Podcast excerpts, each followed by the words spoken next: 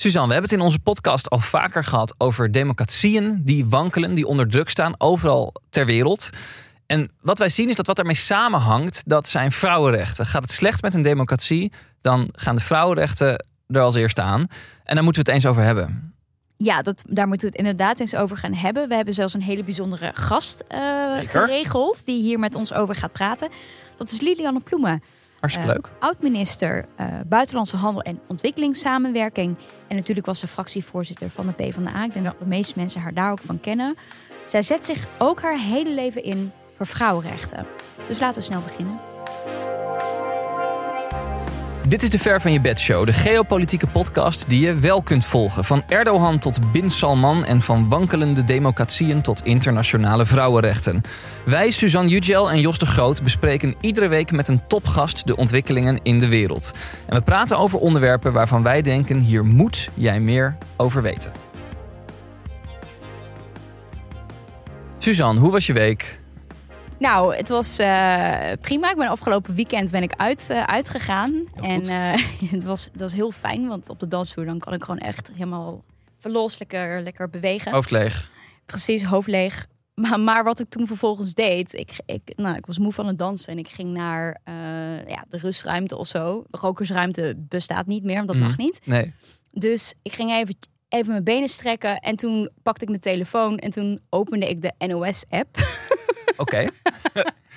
en ik merk gewoon dat Om ik- hoe laat, hoe laat schrijven? Drie uur s'nachts zo? Ja, vier uur. Ik heb geen idee hoe Ja. laat het precies was, maar rond die tijd. Wat las je? En ik las dus dat in de VS dat de Democraten eh, inmiddels 50 zetels hebben in de Senaat. Eh, en dat terwijl in Georgia nog een, een stemming moet komen, omdat het een swing state is. Mhm. En ze hadden die 50 zetels ook nodig om een meerderheid te behouden. Ehm, maar nu kunt het dus 51 worden. Dus ik had echt zoiets van, wow, dit is echt groot nieuws. Dus ik, zat, ik deelde dat zelfs met een vriend van mij. En die zei echt tegen me, waarom, wat lees, doe jij?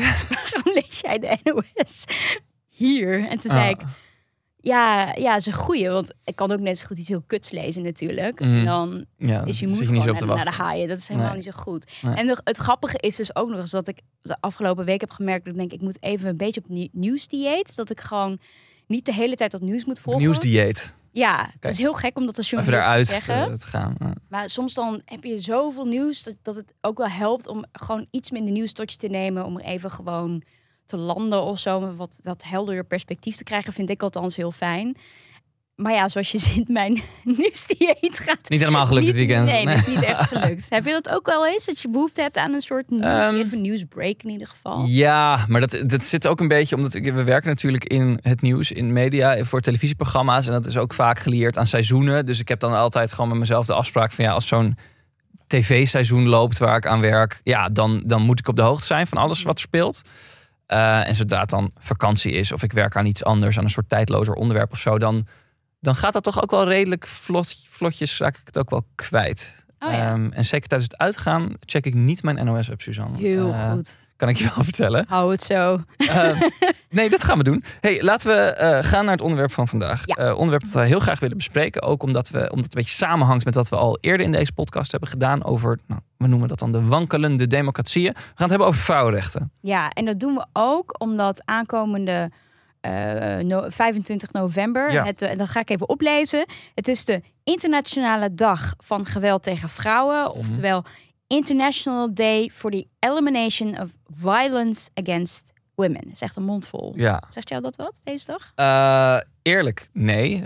Ik denk ook, hoe belangrijk het ook is, de, mar- de marketing had beter. Ja, zeg maar, het is, geen, het is niet, niet dat je denkt van, oh, daar ga ik eens even lekker over lezen. Zeg maar. dat, is, Nee. dat vind ik dan eh, meteen al ingewikkelder aan. Maar het is natuurlijk super belangrijk. Super Ja. ehm, eh, belangrijk onderwerp. Ik moest er, waar ik aan moest denken, het WK voetbal staat voor de deur. En eh, er is ooit vanuit de Engelse overheid echt een super goede campagne geweest om aandacht te vragen voor geweld tegen vrouwen. Omdat geweld tegen vrouwen dus enorm toeneemt op het moment dat eh, er wordt gevoetbald in Engeland Bizar. omdat de mannen dan eh, nou, of boos zijn over de uitslag of ze gaan zuipen. Dat blijkt ook. Dat dan als er alcohol in het spel is, zijn die cijfers ook eh, hoger.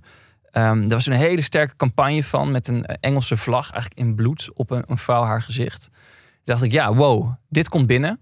Ja, je Ehm, liet het me ook zien ja, we deze... daar, daar moet ik nu aan denken. En dan zo'n dag, denk ik, heel belangrijk. Maar dat moet wel, ja, met zo'n campagne breng je het wel onder de aandacht. Ja. Ehm, Ja. eh, dacht ik. Maar vertel even, vertel even over die dag, want er is wel degelijk een reden eh, om het erover te hebben. Ja, zeker. Eh, in 1999 is door de Algemene Vergadering van de VN, de Verenigde Naties, een resolutie vastgelegd om mensen bewust te maken van het feit dat vrouwen over de hele wereld het slachtoffer zijn van verkrachting, huiselijk geweld en ja, andere vormen van geweld. En sinds 2000, eh, het jaar 2000, wordt eh, de 25e van november gebruikt om aandacht te vragen voor gendergerelateerd geweld en moord tegen vrouwen. Maar wij gaan het wat breder trekken. Hè? We Ja. gaan het namelijk niet alleen maar daarover hebben, maar over vrouwenrechten in het algemeen. Eh, want ja, je zei zelf al, die staat onder druk. Ook door het toenemen van autoritaire leiders en Ja. regimes. Ja, kijk, de voorbereiding op de podcast eh, doen wij ons huiswerk. En eh, er was een heel interessant, heel erg lang artikel in het blad Foreign Affairs. Nou, dat lezen wij dan. Ehm, eh, ja, We nemen het heel serieus. Ja, Ja, je moet wat.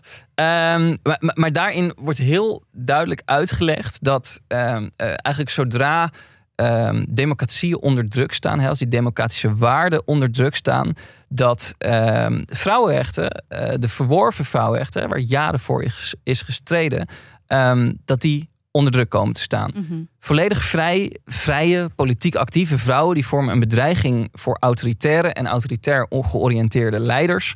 Omdat vrouwen die massaal deelnemen aan verzetsbewegingen hun macht direct ondermijnen. En dus, schrijft Foreign Affairs, hebben leiders, die autoritaire leiders, eh, reden om seksistisch te zijn en te handelen.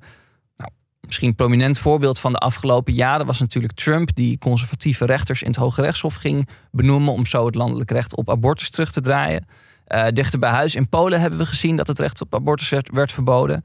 Ehm, Turkije trok zich in 2021 terug uit de Istanbul-conventie om vrouwen te beschermen tegen geweld. Ehm, en dat terwijl femicide, oftewel vrouwenmoord, toeneemt in dat land. Ja. Ehm, en van een nog iets heftigere orde ehm, hebben we ook gezien dat nou, de oorlog in Oekraïne, die woedt natuurlijk on- onverminderd voort. Ehm, ja, zodra een oorlog begint, worden er vrouwen verkracht. Verkrachting is een, is een oorlogswapen. Ja. Nou, en dat kan dus allemaal beginnen bij democratieën die beginnen te wankelen. En daarom is het een belangrijk onderwerp. Nou, zoals we in de intro zeiden, gaan we erover praten met Liliane Ploemen. Eh, ze is inmiddels politiek af Ja. en ze werkt bij bureau Clara Wigman. Maar de meesten zullen haar nog natuurlijk wel kennen als eh, partijleider van de PvdA. Ja, zo niet zo lang weg natuurlijk. Nog niet zo heel lang weg. April maakte ze kenbaar dat ze ehm, ging opstappen omdat die rol haar toch niet zo heel goed lag. was Vond haar best wel een ja, best Eerlijk verhaal. Eerlijk, eerlijk verhaal, zeker. Ehm, maar we kennen haar natuurlijk ook als minister van Buitenlandse Handel en Ontwikkelingssamenwerking. Rutte 2. Precies. En toen werd ze zelfs internationaal bekend omdat ze de stichting She Decides oprichtte. En dat is een stichting die zich wereldwijd inzet om veilige abortus uit te voeren. En dat deed ze nadat Trump kenbaar maakte dat de VS eh, dat dus niet meer ging financieren op internationaal niveau. Nou ja, dat zegt ook al veel dat hij dat niet meer wilde doen. Nee, zeker. Dus ehm, nou, met wie beter dan Lilianne Ploemen dit onderwerp te bespreken? Vrouwenrechten internationaal onder druk. Met Lilianne Ploemen gaan we proberen antwoord te geven op de hoofdvraag van deze aflevering. Hoe kunnen we vergaarde vrouwenrechten waarborgen? En zijn er ook hoopvolle ontwikkelingen waar we ons aan vast kunnen houden?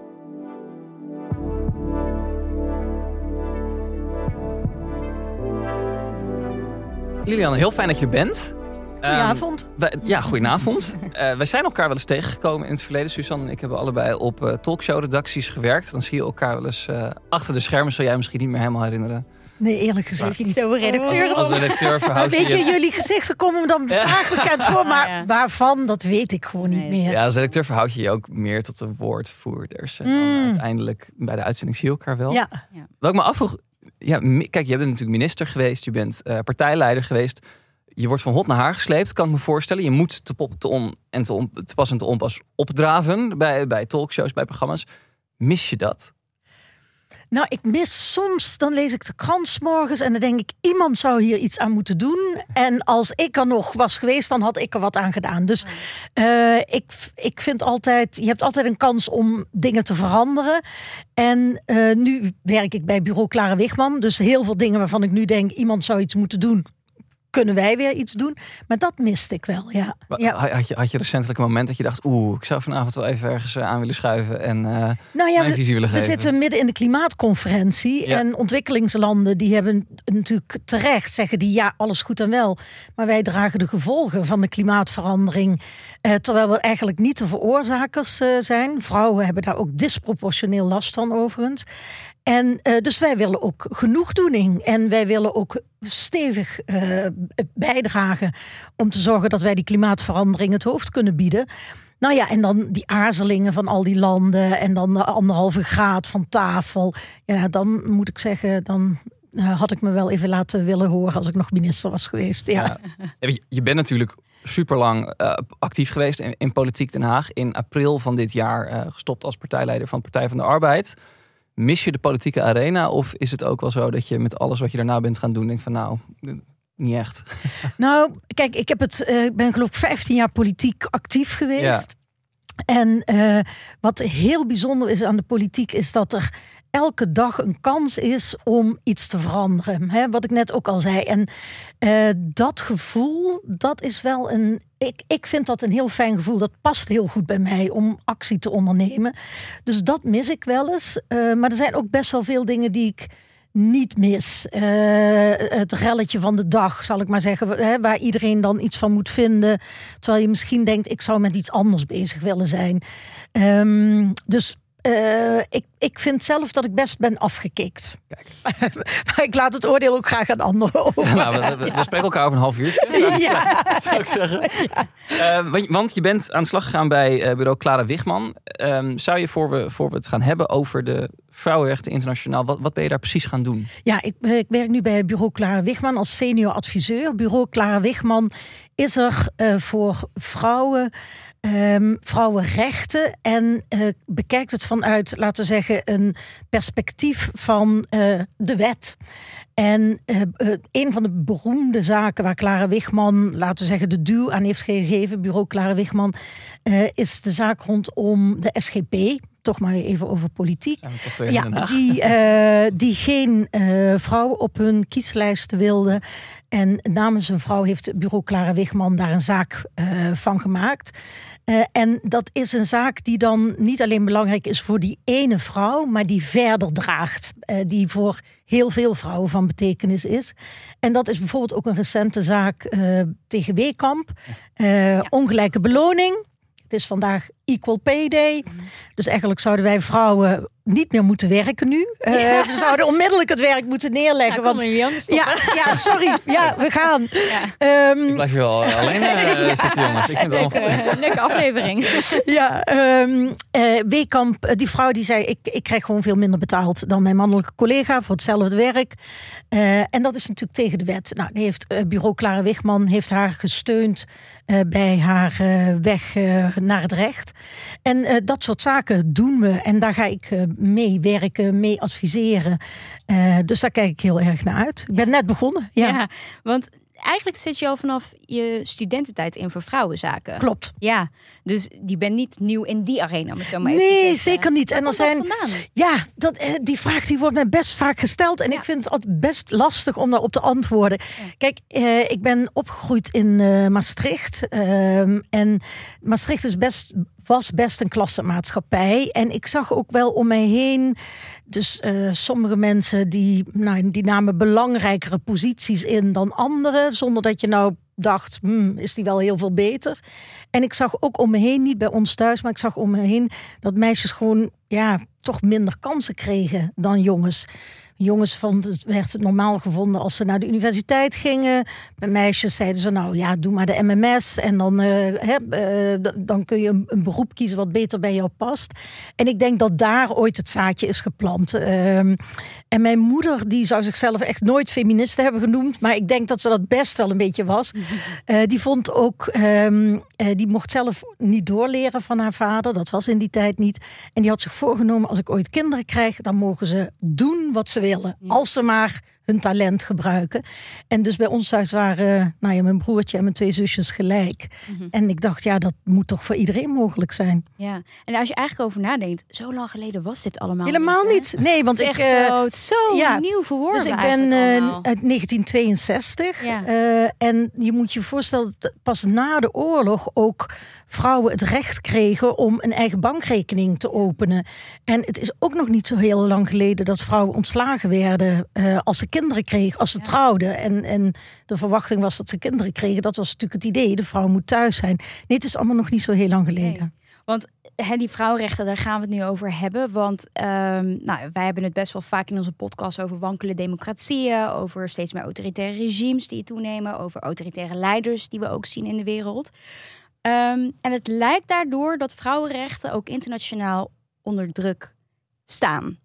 Is dat ook hoe jij het ervaart en ziet? Ja, zeker. Eh, en het is, eh, het is niet per se alleen maar oorzaak en gevolg. Het hangt ook met elkaar samen. Eh, veel van die autocraten, nou laten we Trump even als eh, aansprekend voorbeeld nemen, die godzijdank nu naar een zijlijn gemanoeuvreerd lijkt te worden. Ja. Laten we hem als voorbeeld nemen. Of Bolsonaro, die godzijdank ook naar de zijlijn is gedirigeerd. Ehm, hun eh, leiderschapsstijl, hun politieke agenda, die zou je kunnen zeggen rust op een paar pijlers. eh, zogenaamd terug naar wat dan traditionele waarden zijn. Eh, en daar hoort ook bij toch ook een voortdurende aanval op de democratie. En de aanval op de democratie en de aanval op de vrouwenrechten gaan eigenlijk hand in hand, hebben we de afgelopen jaren kunnen zien. Eh, hetzelfde voor Erdogan in Turkije. En dat is natuurlijk geen goed nieuws voor vrouwenrechten. Ja. Anderzijds, er is een reden waarom zij de aanval openen. Ja, wat is Namelijk-? Dat we zo succesvol zijn natuurlijk. Ja. Ja. Er is natuurlijk heel erg veel bereikt de afgelopen jaren. Niet alleen door individuele vrouwen en niet alleen maar in individuele levens. Maar als je kijkt naar, eh, er kan geen top internationaal zijn. Of het gaat ook over positie van vrouwen. En ongelijkheid is natuurlijk, ja, hoe zou ik het zeggen, heeft ons zo enorm aangestaard decennia lang. Dat de bewegingen die aan die ongelijkheid willen werken, ja, die hebben wel vaste voet aan de grond gekregen, gelukkig.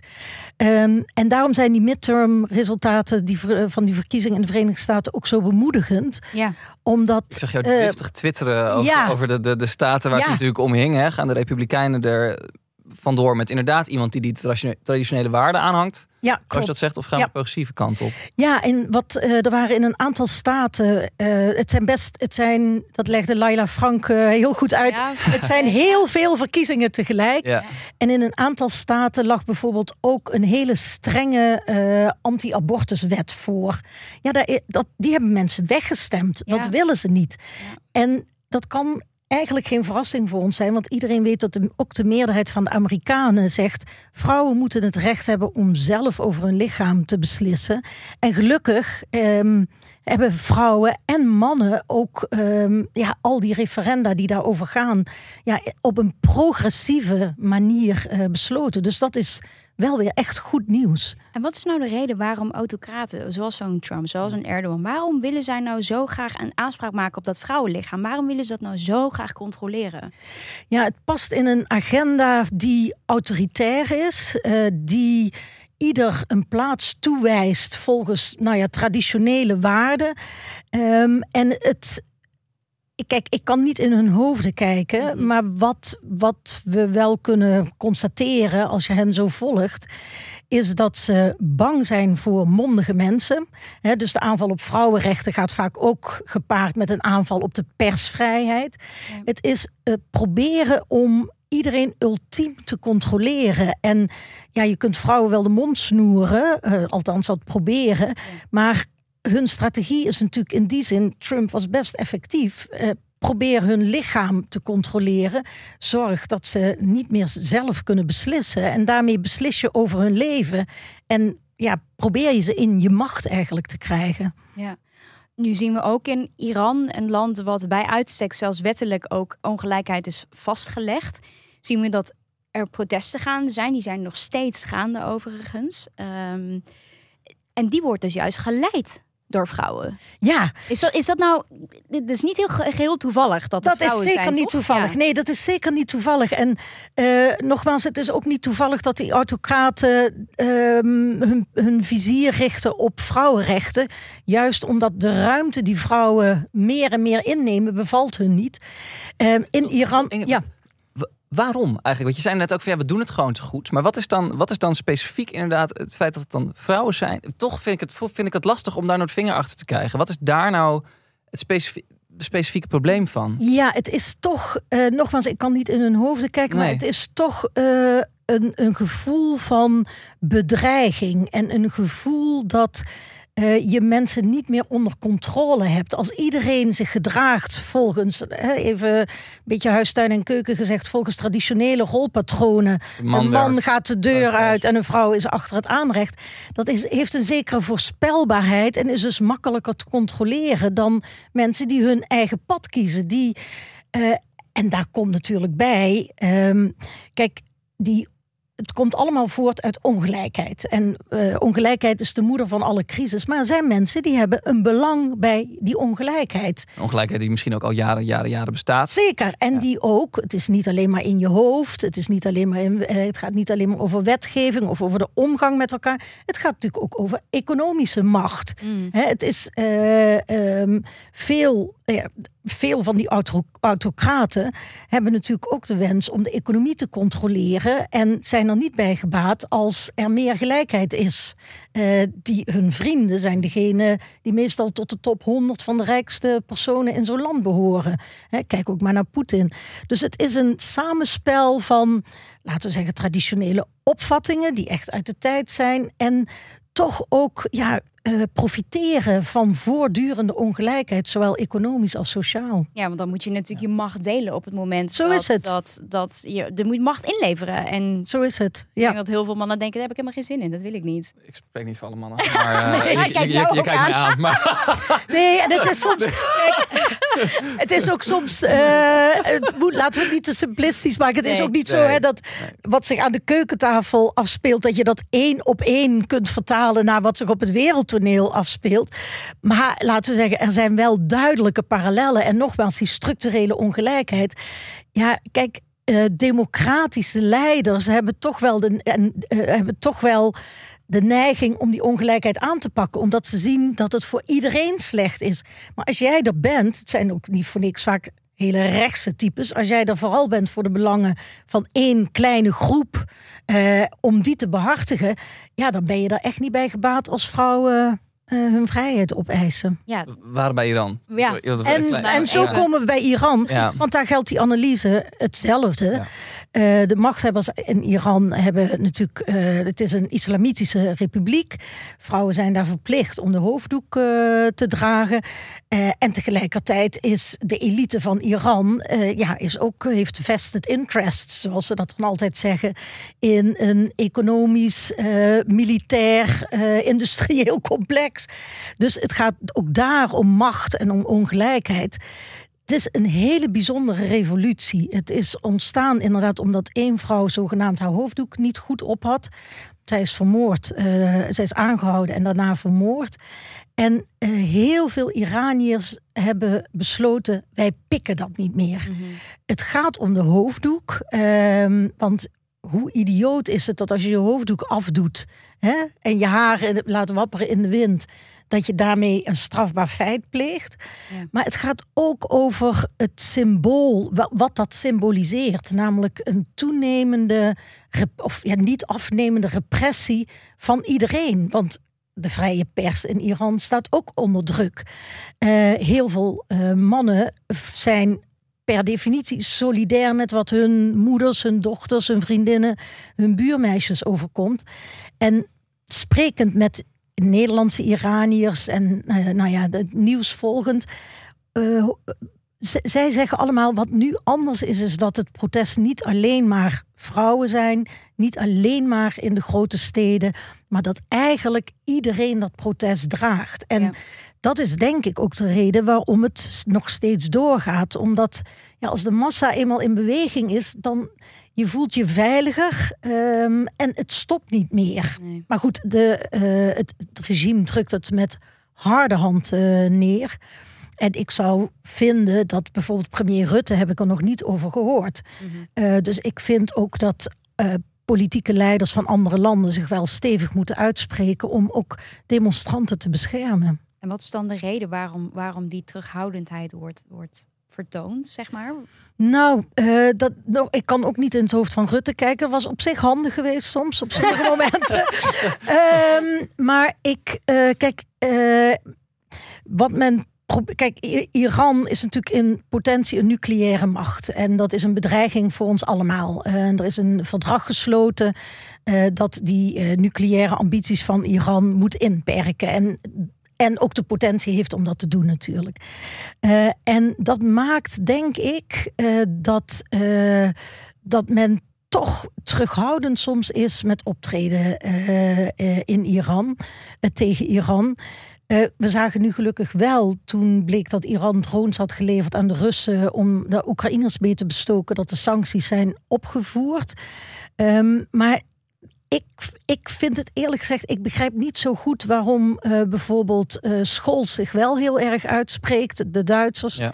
eh, en Nederland toch wat terughoudend is. Dus ik hoop zeer dat ze dat Een wel nog gaan doen. geknipt zien worden in een talkshow door de minister van Ja, Justitie. nou ja, god, ik denk altijd, Nee, elk, ik- elk ik- plukje haar is er één. Ja. Ehm, maar daar moet wel iets op volgen. Ja. Eh, en eh, en het, blijft nu eigenlijk te lang stil, vind ik, eh, aan de Nederlandse kant. Toen je minister was, toen eh, zette je heel succesvol in met She Decides om eh, een de stichting om veilige abortus. Ja. ehm, eh, eh, vrije abortus te regelen, moet ik eigenlijk zeggen. Ehm, dat leverde jou ook wat bekendheid op wereldwijd met die stichting. Zag je toen de bereidheid om die vrouwenrechten waar we het nu over hebben, om die met z'n allen op te pakken en, en de- daar meer aandacht aan te geven? En is dat dan, zitten we dan nu, zijn we in een soort verval terechtgekomen? Hoe, hoe vergelijk je die periodes met elkaar? Ja, wat we. Kijk, ehm, of we het nou willen of niet, Amerika wordt toch vaak gezien Ja. als de leider van de vrije wereld. Eh, en dat betekent dat alles wat in eh, de Verenigde Staten gebeurt, heeft nu eenmaal implicaties voor de rest van de wereld. Dus eh, in de tijden van Trump voelden andere autocraten voelden zich gesterkt. Eh, sommige regeringen die eh, financiële hulp kregen van de Amerikanen, dachten nou laat ik me maar een beetje gedijst houden, want anders dan eh, bederf ik mijn relatie met de Amerikanen. Dus het tijdperk Trump heeft echt heel veel kwaad gedaan. Bijvoorbeeld in eh 2020 was het 25 jaar geleden dat de e- vrouwenconferentie in Beijing was. Echt een, ja, een enorme grote stap vooruit als het gaat over het bevestigen van vrouwenrechten. Een plan van actie kwam er. En het is gebruikelijk dat na 25 jaar dat iedereen denkt, nou laten we nog eens kijken waar staan we nu en welke stappen kunnen we nu voorwaarts zetten en laten we een vervolgconferentie organiseren. Maar er was een enorm grote terughoudendheid om dat te doen, omdat heel veel mensen, ook ik, eh, toch vreesden dat op het moment dat je bij elkaar gaat zitten weer met al die landen en gaat onderhandelen over volgende stappen, dat je niet vooruit gaat met zo'n Verenigde Staten en andere eh, landen die tegen vrouwenrechten zijn, zoals Iran, maar dat je een stap achteruit zet. En dat betekent dat we eigenlijk toch gewoon jaren van stilstand hebben gehad. Eh, het betekent niet dat er geen vooruitgang is geboekt.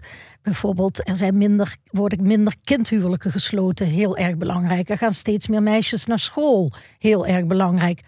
Eh, ook als het gaat over abortus, zijn er toch veel landen waarbij de wetgeving eh, beter is geworden. In Argentinië, Colombia, Staten van Mexico, Ierland. Dat is echt een heel rijtje te maken. Maar de hele, de gehele stemming, zou je kunnen zeggen, was de afgelopen jaren toch laten we beschermen wat we hebben en laten we oppassen met nieuwe stappen zetten. En dat is eigenlijk niet wat je wil. Nou, dat lijkt me heel frustrerend ook als minister dat je in zo'n positie zit. Zo van, Ja, ik nou- wil eigenlijk meer, maar ik moet toch een soort van terughoudendheid tonen, want de, de situatie of de tijdsgeest is er niet naar. Ja, ja eh, dus wij zijn, eh, ik ben eh, afgetreden in eh, oktober 2017. Toen- Toen was Trump was er een half jaar Ja. aan de macht. Eh, en in die eerste maanden eh, merkte ik op internationale conferenties dat iedereen ook nog wel een poging deed om te kijken of er toch niet hier en daar iets los te wrikken was. Um, veel landen zijn toch ook gericht op samenwerking. Je wil niet meteen, weet je wel, met, met de koppen tegen elkaar slaan. Maar na drie kwart jaar werd duidelijk dat die, uh, die Trump-regering helemaal niet vooruit wilde. Die wilde alleen maar achteruit. Mm -hmm. En dus toen ik in de Kamer zat, zag ik gewoon ook die worsteling ook van Nederland altijd heel uitgesproken. Ook in Rutte 3 en Rutte 4 nu op vrouwenrechten. Um, je spreekt je wel uit, het zijn ze blijven doen, ook met wat dan noem, genoemd wordt like-minded landen. Maar er was gewoon te weinig ja, steun eigenlijk om grote stappen vooruit te zetten. En dat is natuurlijk wel pijnlijk. Um, ja, we, we, hebben het nu over, over, over autoritair uh, leiderschap. Dat hangt eigenlijk altijd samen met mannelijk leiderschap. Is, heb je eigenlijk als minister, um, uh, wanneer je ook in die internationale arena begeeft, heb je het zelf ervaren dat je als vrouw, nou, ik wil niet meteen vrouwen haat noemen, maar dat je anders wordt benaderd, dat, je, dat, je, dat die dat dat een rol speelt? Het interessante is dat in die internationale arena um, heb ik dat eigenlijk niet meegemaakt. En dat uh, volgens mij heeft dat ermee te maken dat de positie van minister je beschermt. He, dus je, hoeft, je komt niet binnen als Lilian Ploemen en moet dan het waarmaken. Maar je komt binnen als een minister. En een minister heeft nu eenmaal macht. En dat wordt ook algemeen erkend. En dat maakt dat uh, uh, dat, dat toch de, de, de conversaties vaak heel zakelijk uh, waren. De andere kant is dat ik me er wel altijd van bewust was. Hè, dat in sommige gezelschappen uh, ben je dan de enige vrouw. ik ging ook nog, we deden natuurlijk handelsmissies. Ik was ook minister van Handel. Uh, nou, dan had Nederland echt nog wel een paar stappen te zetten. Was ik vaak de enige vrouw. En als koningin Maxima meeging, dan was zij de ander. Uh, dus, af, uh, ja, maar ja. ja. Nou ja, en, en dat is natuurlijk heel erg ongemakkelijk. Omdat wij een groot voorvechter van vrouwenrechten zijn. En dan kom je zelf met een delegatie met bijna alleen maar mannen. dus um, ik, ik zou zeggen, je, als minister moet je, word je beschermd door die positie. Uh, maar ik heb het ook maximaal uitgebuit. Uh, en, en vaak heb je toch, ja, je hebt wel een zakelijke relatie. Ik vind wel zelf dat in de Nederlandse politiek de vrouwenhaat wel echt toegenomen is de afgelopen jaren. Als je dat, dat vergelijkt met tien jaar geleden. Ja, ik bedoel, dat is niet eens een mening, dat is een feit. Ja. Uh, en dat is wel heel zorgelijk. Ja. In de Tweede Kamer heb je het dan over? Ja, bijvoorbeeld. Ja, ja. En waar, waar, waar, zie, waar zie jij dat? Nou, kijk, uh, op een aantal manieren. Kijk, uh, uh, als Wilders Sophie Hermans een masseuse noemt, ja. dan de masseuse van Rutte, dan zit daar gewoon een, een, een vrouwenhaat achter. Daar zit gewoon een seksistische connotatie achter. En dat gebruiken en uitbuiten. Ja, dat is echt wel van de laatste jaren. En daar moet ook hard op teruggeduwd worden. Gelukkig doen ook heel veel vrouwelijke collega's dat ook. En is het nu ook een onderwerp dat heel erg dat meer in besproken wordt en waar ook men tegenop staat uh, terecht. Moest, moest nog denken aan voor, nee, ten tijde van Rutte 3 was, was er een aantal vrouwelijke ministers die ook zeiden: ja, Rutte laat de vrouwelijke ministers in de ministerraad niet uitpraten. En dat was toen ook helemaal een soort discussie over van nou, het is eigenlijk wel zo. Rutte zei toen ook van nou, ik ga erop letten. Is, eh, eh, heb, je, heb jij dat ook zo meegemaakt? Nee, nou ja, dat werd mij natuurlijk toen ook gevraagd. Ja. Hè? En uh, dus ik kan, uh, ik, ik heb dat niet meegemaakt. Nee. Uh, en dus ik heb er ook nog wel over nagedacht hoe dat dan komt. Dat is best moeilijk te duiden. Mm. Dus het ligt niet aan dat ik anders ben dan die vrouw. Maar ik denk de dynamiek in dat kabinet mm. was anders. Uh, dat is denk ik de verklaring daarvan. Ja, maar het is wel heel goed dat ze hem daarop hebben aangesproken. En ook dat hij en dat geldt ook voor alle andere mannen, uh, daar wel over nadenkt. Kijk, je hebt toch allemaal als vrouw, maar maak je wel eens mee in een vergadering dat je iets zegt wat gewoon echt goed is. Ja. Anders zou je het namelijk niet zeggen. Dan hield je het voor jezelf. Wat dan een beetje zo wegdwarrelt en dan even later zegt een man het en denk je, ja, maar dat zei ik toch ook? Oh, Sterker nog, dat heb ik ook meegemaakt. Ik zei het nog veel mooier. Ja. ja. en dan vindt iedereen het ineens een briljant idee. Ja. Nou, dus wat wij allemaal moeten doen, is dat niet alleen maar registreren en gefrustreerd zijn, maar het gewoon benoemen op dat moment. En als we het eh, daarover hebben, want we hebben nu allemaal over dingen die misgaan, die niet goed zijn. Uh, nou, en we zijn het erover eens, vrouwenrechten zijn belangrijk. Hoe kunnen we die ja, ook, waarborgen? Ook ja. ja. zeker. Ja. ja, er zijn, kijk, uh, ook in Nederland, maar in heel veel landen zijn er wetten die gelijke behandeling uh, beschermen. En in de praktijk merken we dat dat niet altijd even goed gaat. Maar internationale verdragen, nationale wetgeving is gewoon heel erg belangrijk om vrouwenrechten te beschermen.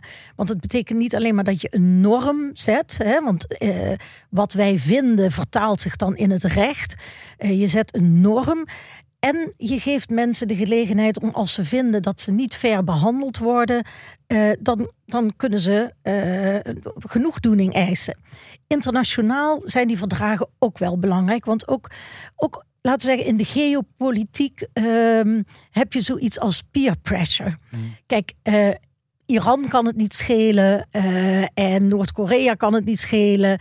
Uh, maar de meeste landen willen toch niet onderaan de lijstjes bungelen als het gaat over vrouwenrechten, als het gaat over politieke participatie van vrouwen, het aantal vrouwen, uh, vrouwelijke ondernemers of helemaal bovenaan staan als het gaat over hoe vaak vrouwenbesnijdenis voorkomt. Um, er is toch wel een ja, understanding dat dat dat vrouwenrechten gerespecteerd moeten worden. En daar is heel lang voor gevochten uh, door de vrouwenbewegingen overal ter wereld. Dat heeft zijn weerslag gekregen in die verdragen. En die verdragen die leven wel. Dat zijn, is geen dode letter. Ik moet zeggen, uh, Lilian, ik ben heel blij dat, dat, dat, je weer je volledig kan richten op deze zaken. Jij ook? ja, ik ook. Ja, ja. ik ook. Ja. ik ook. Laten we afronden, maar niet voordat we jou uh, gaan vragen uh, om een tip. Want die heb je voor ons meegenomen. Ja, ja ik hou heel, heel erg van lezen. Dus uh, ik, ik hoop heel veel andere mensen ook. En ik heb een geweldig boek gelezen van Lea Ipi. zij is Albanese van geboorte en doseert nu in Londen. Ik dacht politieke economie of politieke filosofie. En het boek heet Vrij. En het gaat over hoe zij opgegroeid is in Albanië ten tijde van de omwenteling. Mm. En uh, zij beschrijft het vanuit haar perspectief als klein meisje. En je kijkt ook door haar ogen naar de gebeurtenissen. Dus sommige dingen begrijp je niet zo goed. Die worden pas later duidelijk. Uh, sommige dingen zijn voor haar ik ga niet. Eh, we doen een cliffhanger. Ik ga het niet verklappen, geen spoilers. Sommige dingen zijn, als je met onze ogen kijkt, echt totaal onbegrijpelijk.